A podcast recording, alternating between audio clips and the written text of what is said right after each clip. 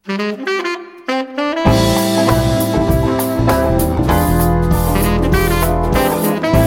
თვალი დაკავებული გაქვთ და საკითხავად არ გცალიათ, ან თუ ჩემსავით სათვალეს ვერ პოულობთ, ან და თუ უბრალოდ მოგენატრათ თვალების დახუჭვა და სხვების მიერ მოთხრობილი საინტერესო ამბებისთვის ყურის მიგდება, მაშინ ეს პოდკასტი თქვენთვისაა.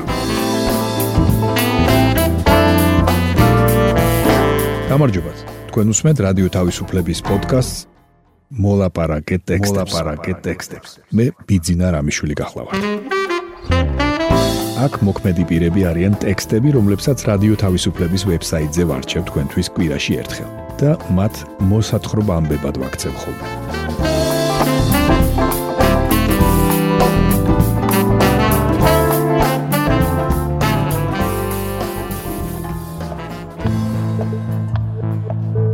ვნახავთ რა შეცვალა უკრაინის ომმა 100 დღეში.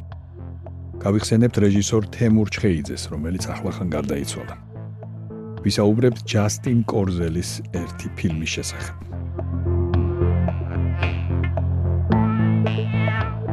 დავაძობთ ლელა კუნჭულიას სტატიას რა შეცვალა ომმა 100 დღეში. ფაქტები და რიცხვები უკრაინაში რუსეთის შეჭრის შემდეგ. გაეროს მიერ 29 მაისს გავრცელებული მონაცემებით უკრაინიდან ტოლვილთა რიცხვმა 6.8 მილიონს გადააჭარბა. კიდევ 8 მილიონი ადამიანი ქვეყნის შიგნით იძულებით გადაადგილებულ პირად დევნილად იქცა.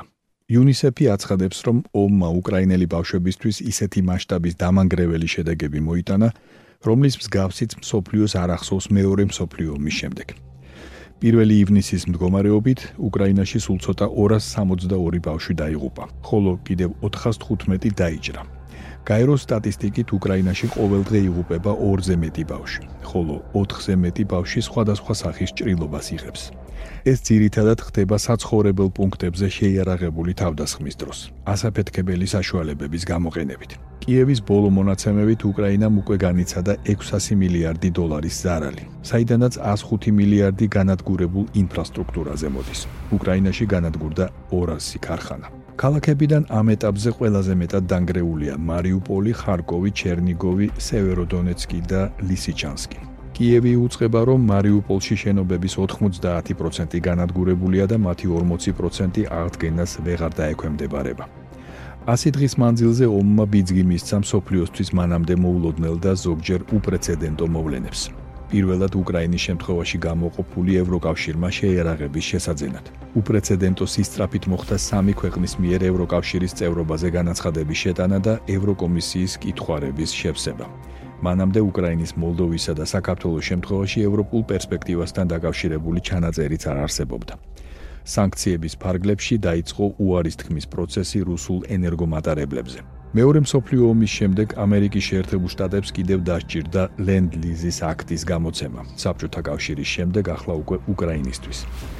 დღის წესრიგში დადგა ფინეთისა და შვედეთის ნატოში გაწევრიანების საკითხი, რაც მანამდე არც ამ ქვეყნებს სურდათ და რუსეთიც წარმოუდგენელ მიუღებელ მოვლენად თვლიდა. უკრაინაში ომის დაწყების შემდეგ სოფლიოში პირველად 100 მილიონს გადააჭარბა ლტოლვილებისა და იძულებით გადაადგილებული პირების რიცხვმა. აპრილის დასაწყისის გახმაურებულმა შემზარავმა ამბებმა ბუჩიდან ბიძგი მისცა უკრაინის მიმართ მხარდაჭერის მნიშვნელოვნად გაძლიერებას. ამჟამად უკრაინას სხვადასხვა სახით 50-მდე ქვეყანა ეხმარება და მათ შორის თანამედროვე შეიარაღებითაც. დამხმარეთა შორის კლავინდებურად ლიდერობს ამერიკის შეერთებული შტატები, რომელმაც არაერთი ეტაპის შემდეგ უკრაინას ლენდ-ლიზის ფარგლებში 40 მილიარდი დოლარიც გამოუყო. პენტაგონმა ორგანიზება გაუკეთა უკრაინისთვის სამხედრო დახმარების კოორდინაციის მართვის ცენტრის შექმნასაც. შეერთებულ შტატებთან ერთად ლიდერობენ დიდი ბრიტანეთი და აღმოსავლეთ ევროპის ქვეყნები. განსაკუთრებით უშუალო სახმელეთო მეზობელი პოლონეთი. ამას დღეში რუსეთმა მთელი მსოფლიოსთვის სასურსათო კრიზისის შექმნაც მოასწრო. უკრაინის პორტებში მარცვლეულის დაბლოკვით და ახლა ამ მოცემულობას შანტაჟისთვის იყენებს. დასავლური სანქციების მოხსნის მიზნის მისაღწევად. ანალიტიკოსების ერთი ნაწილის შეფასებით უკრაინის ინტერესების ხარჯზე რუსეთთან მოლაპარაკებების წარმოებასა და პუტინისთვის სახის შენარჩუნებას ლობირებენ საფრანგეთი, გერმანია, იტალია და უნგრეთი. უკრაინა აცხადებს, რომ სახელმწიფო ინტერესებისა და ტერიტორიების დათმობის ხარჯზე ომის შეწყვეტას არ დათანხმდება. ომის ეს პირველი 100 დღე ანალიტიკოსების აზრით უკანასკნელი ნამდვილად არ არის. და ცეცხლის შეწყვეტის შეთანხმებით ბრძოლები დღესვე რომ შეჩერდეს, რუსეთ-უკრაინის ომი არ დასრულდება და მას შემდგომი მწვავე ფაზებიც ექნება. რაც უფრო მეტი დრო გადის, სულ უფრო მკვიდრდება პროფესიონალების აზრი იმის შესახებ, რომ წინ კიდევ ბევრი სასტიკი ბრძოლა და უმძიმესი ეტაპებია გადასალახი. ექსპერტები თვლიან, რომ რუსეთის დამარცხება ნელი ტემპითა და ხანგრძლივ ბრძოლასთან ერთად საერთაშორისო სანქციების გზით მისი დასუსტებით უნდა მოხდეს. თქვენ მოისმინეთ ლელა კუნჭულიას სტატია რა შეცვალა ომმა 100 დღეში. ფაქტები და რიცხვები უკრაინაში რუსეთის შეჭრის შემდეგ. თქვენ უსმენთ პოდკასტს მოლაპარაკე ტექსტებს. მოისმინეთ თეატოფურიას სტატია არ დააწეროთ სახალხო არტისტი. თემურ ჩხეიძე. ერთ-ერთმა პირველმა ვთქვი, უარი აფიშაზე ჩემი რეგალია მიეწერათ. სხვებს აწერდნენ, ჩემს შემთხვევაში კი მხოლოდ სახელი და გვარი იყო. რეჟისორი თემურ ჩხეიძე. ვამბობდი, არ დააწეროთ სახალხო არტისტი. ამის გარეშე დაბეჭდეთ. ყველაფერს მშვიდად უნდა შეხედო. ამბობდა თემურ ჩხეიძე რადიო თავისუფლებისთვის მიცემულ ინტერვიუში 2016 წელს. რეჟისორი 5 ივნისს გარდაიცვალა 78 წლისა. თემურ ჩხეიძე 1953 წლის 18 ნოემბერს იყო დაბადებული მსახიობების მედია ჩახავასა და ნოდარ ჩხეიძის ოჯახში. დაამთავრა თბილისის სახელმწიფო თეატრალური ინსტიტუტის სარეჟისორო ფაკულტეტი. რეჟისორად მუშაობდა როგორც საქართველოს, ისე რუსეთის თეატრებში. დადგმული აქვს 80-მდე სპექტაკლი. არაფერში არ გარეულა და არ გასვრივა საბჭოთა ეპოქაშიც კი. ოჯახიდან გამომდინარე ყველა შესაძლებლობა ჰქონდა იმისთვის, რომ პრივილეგიებით ესარგებლა, მაგრამ არაფერი გამოუყენებია. ასე აფასებს ხელოვნებად მწოდნე ლელა ოჩიაური თემურ ჩხეიძეს. ის ამბობს, რომ ჩხეიძე ერთ-ერთი იყო, ვინც ქართული თეატრი შექმნა და სცენის ცენტრში ადამიანი დააყენა თავისი განცდებით და პრობლემებით. საზოგადოებამ თემურ ჩხეიძე უფრო დაიმახსოვრა ფილმიდან მშობლიურო ჩემო მიწავ, სადაც მან რაიკომის მდივნის როლი შეასრულა. 2016 წელს რადიო თავისუფლებისთვის მიცემულ ინტერვიუში თემურ ჩხეიძე ასეთ რამეს ამბობს. მე გავიაზრე, რომ არანაირი პოლიტიკური და სახელმწიფოებრივი ფორმაცია არათავისუფლებს ადამიანს სინდისისგან. სინდისი ყოველას უნდა ჰქონდეს. ჩემთვის გადავწყვიტე. სანამ ეს სისტემა მაქსიმუმი უნდა გავაკეთოთ, რომ ის მამულის გადასარჩენად გამოვიყენოთო. ციტადის დასასრული. ამ ფილმის შემდეგ თემურ ჩხეიძეს ლენინური პრემია მიანიჭეს. ამ პრემიას თავისი პრივილეგიებიც მოხვებოდა, თუმცა როგორც რეჟისორმა თქვა, ბინის რიგში მაინც 8 წელი იდგა. მანქანის გამოსაყვანად კი ფული არ ეყო. არასდროს ყოფილა გაბოროტებული მიუხედავად იმისა, რომ შესაძლოა ჰქონდა კიდეც ამის მიზეზი. არც გადიდგულებულა, ბოლომდე თავდაბალი დარჩა და მისი სპექტაკლებიც ასეთი იყო. შინაგანად ძალიან ემოციური და ტკივილიანი, გარეგნულად სიმშვიდეს ინარჩუნებდა. ამბობს ლელა უჩიაური. აუხტენელი ოცნება, ასეთად დარჩა თემურ ჩხეიძე დრამატურგ სანდრო ლორთქიფანიძისთვის. თუ ვინმესთან მუშაობას ვინატრებდი, გინდა როგორც მსახიობი ან როგორც დრამატურგი ის იყო. იმ იშვიათ შემთხვევებში, როდესაც შევხვედრივართ, იმ ხელა სიბრძნე, სითბო და მოგზალება მიგზნია მასში, როგორც მხოლოდ გენიალურ ადამიანებს ახასიათებთ. მასთან ურთიერთობისას გრძნობდი, რომ რაღაც მნიშვნელოვანს ეხებოდი.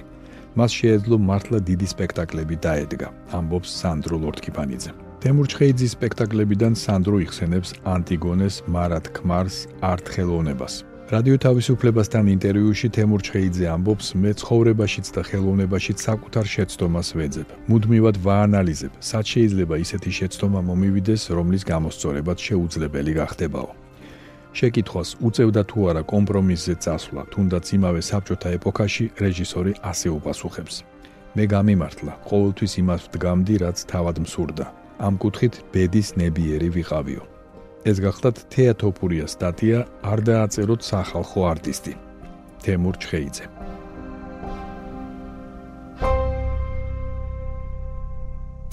თქვენ უსმენთ პოდკასტს მოლაპარაკე ტექსტებს. მოისმინეთ გიორგი გვახარიას სტატია როდესაც სახელსაც გართმევენ ჯასტინ კურზელის ფილმ ნიტრამს რეალური ისტორია უდებს საფუძვლად მასობრივი მკვლელობები ქალაქ პორტ-არტურში 1996 წელს ავსტრალიის ისტორიაში უპრეცედენტო ტერორისტული აქტის შედეგად მაშინ 35 ადამიანი დაიღუპა და 23 დაიჭრა. ნიტრამი მთავარი გმირის მეცახელია. ბავშვობაში შეარქვეს ასე: მარტინი უკუღმა. დაახლოებით 30 წლისაა, მაგრამ ისეთივე ბავშვია, როგორიც იყო სკოლაში, უმცროს კლასში, როცა საკმაოდ სახიფათო ფოიერვერკებით ერთობოდა. ნიტრამის გონებრივი განვითარება შეფერხდა. ასეთებს ჩვენში დელიკატურად ფსიქიკური პრობლემების მქონე პირებს ან და უბრალოდ სოციოპათებს უწოდებენ. თუმცა პოლიტკორექტულობა და დელიკატურობა ყოველთვის არ გვაახლოვებს სიმართლესთან. ნიტრამი უბრალოდ ტერორისტია. ისტორია უსაყვარლოდ გაზრდილი ბავშვისა, რომელიც მთელი სამყაროს მიმართ კარგავს ნდობას და შურისძიების ინსტინქტით ცხოვრობს, არაერთხელ ასახულა კინოში. მისი დანაშაულის მიზეზს რომ ჩასწუდე, ცხადია მისი ცხოვრების არც ერთი დეტალი არ უნდა გამოგრჩეს. ამ ხრივ ავსტრალიური ფილმი განსაკუთრებული ორიგინალობით თითქოს არც გამოირჩევა. კანის კინოფესტივალზე, სადაც ნიტრამის პრემიერა გამართა, თავარი როლის შემსრულებელი ამერიკელი მსახიობი კალებ ლენდრი ჯონსი დაჯილდოვდა პალმით მამაკაცის როლის საუკეთესო შესრულებისთვის. მსახიობი იმდენად კარგად თამაშობს, რომ სიმპათია და თანაგზნობაც კი გიჩნდება მისი გმირის მიმართ.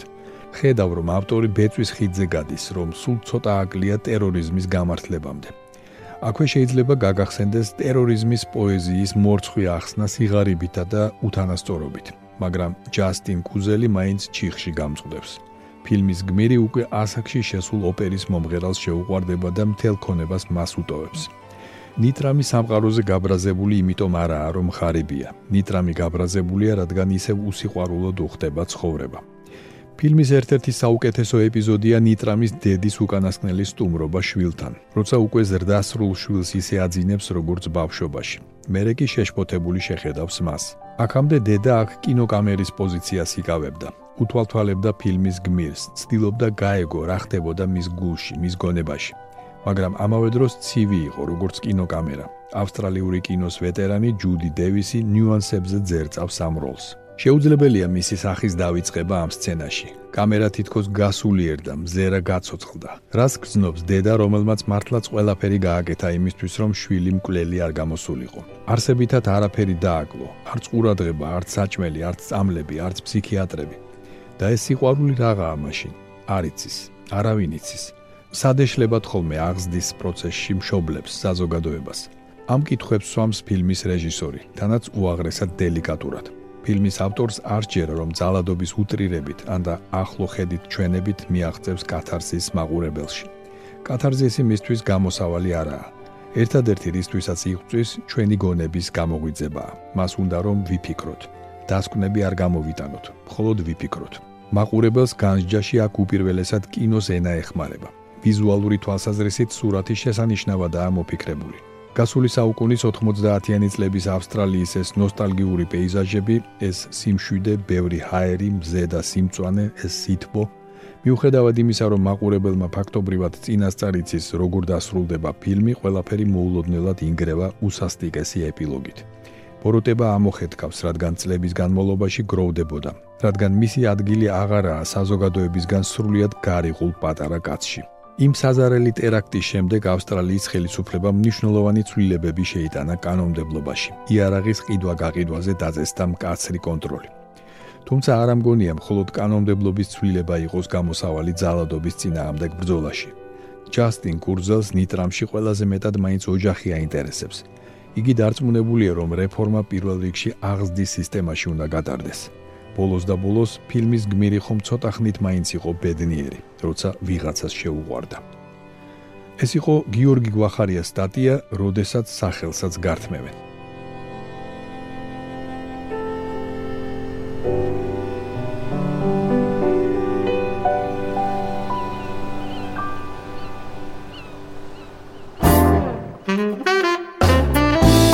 თქვენ მოისმინეთ რადიო თავისუფლების პოდკასტი მოლაპარაკეთ ტექსტები. მე კვირაში ერთხელ ვარჩევ რადიო თავისუფლების ვებსაიტზე გამოქვეყნებულ ტექსტებს და მათ მოსათხრობამდე ვაქცევ ხოლმე. ჩვენი პოდკასტი შეგიძლიათ გამოიწეროთ, ჩამოტვირთოთ ან მოისმინოთ პირდაპირ რადიო თავისუფლების ვებსაიტზე. მისი მისამართია რადიო თავისუფლება.ge. თუ ჩემი მიერ მოთხრობილი ტექსტები სრული სახით დაგაინტერესებთ, მათი მოძებნა იულია. ვებსაიტზე, პოდკასტის გვერდზე იპოვით ყოველ ცალკეულ პროგრამაში მოთხრობილი ტექსტების ბმულებს. მე ბიძინა რამიშვილი ვარ. მომავალ შეხვედრამდე.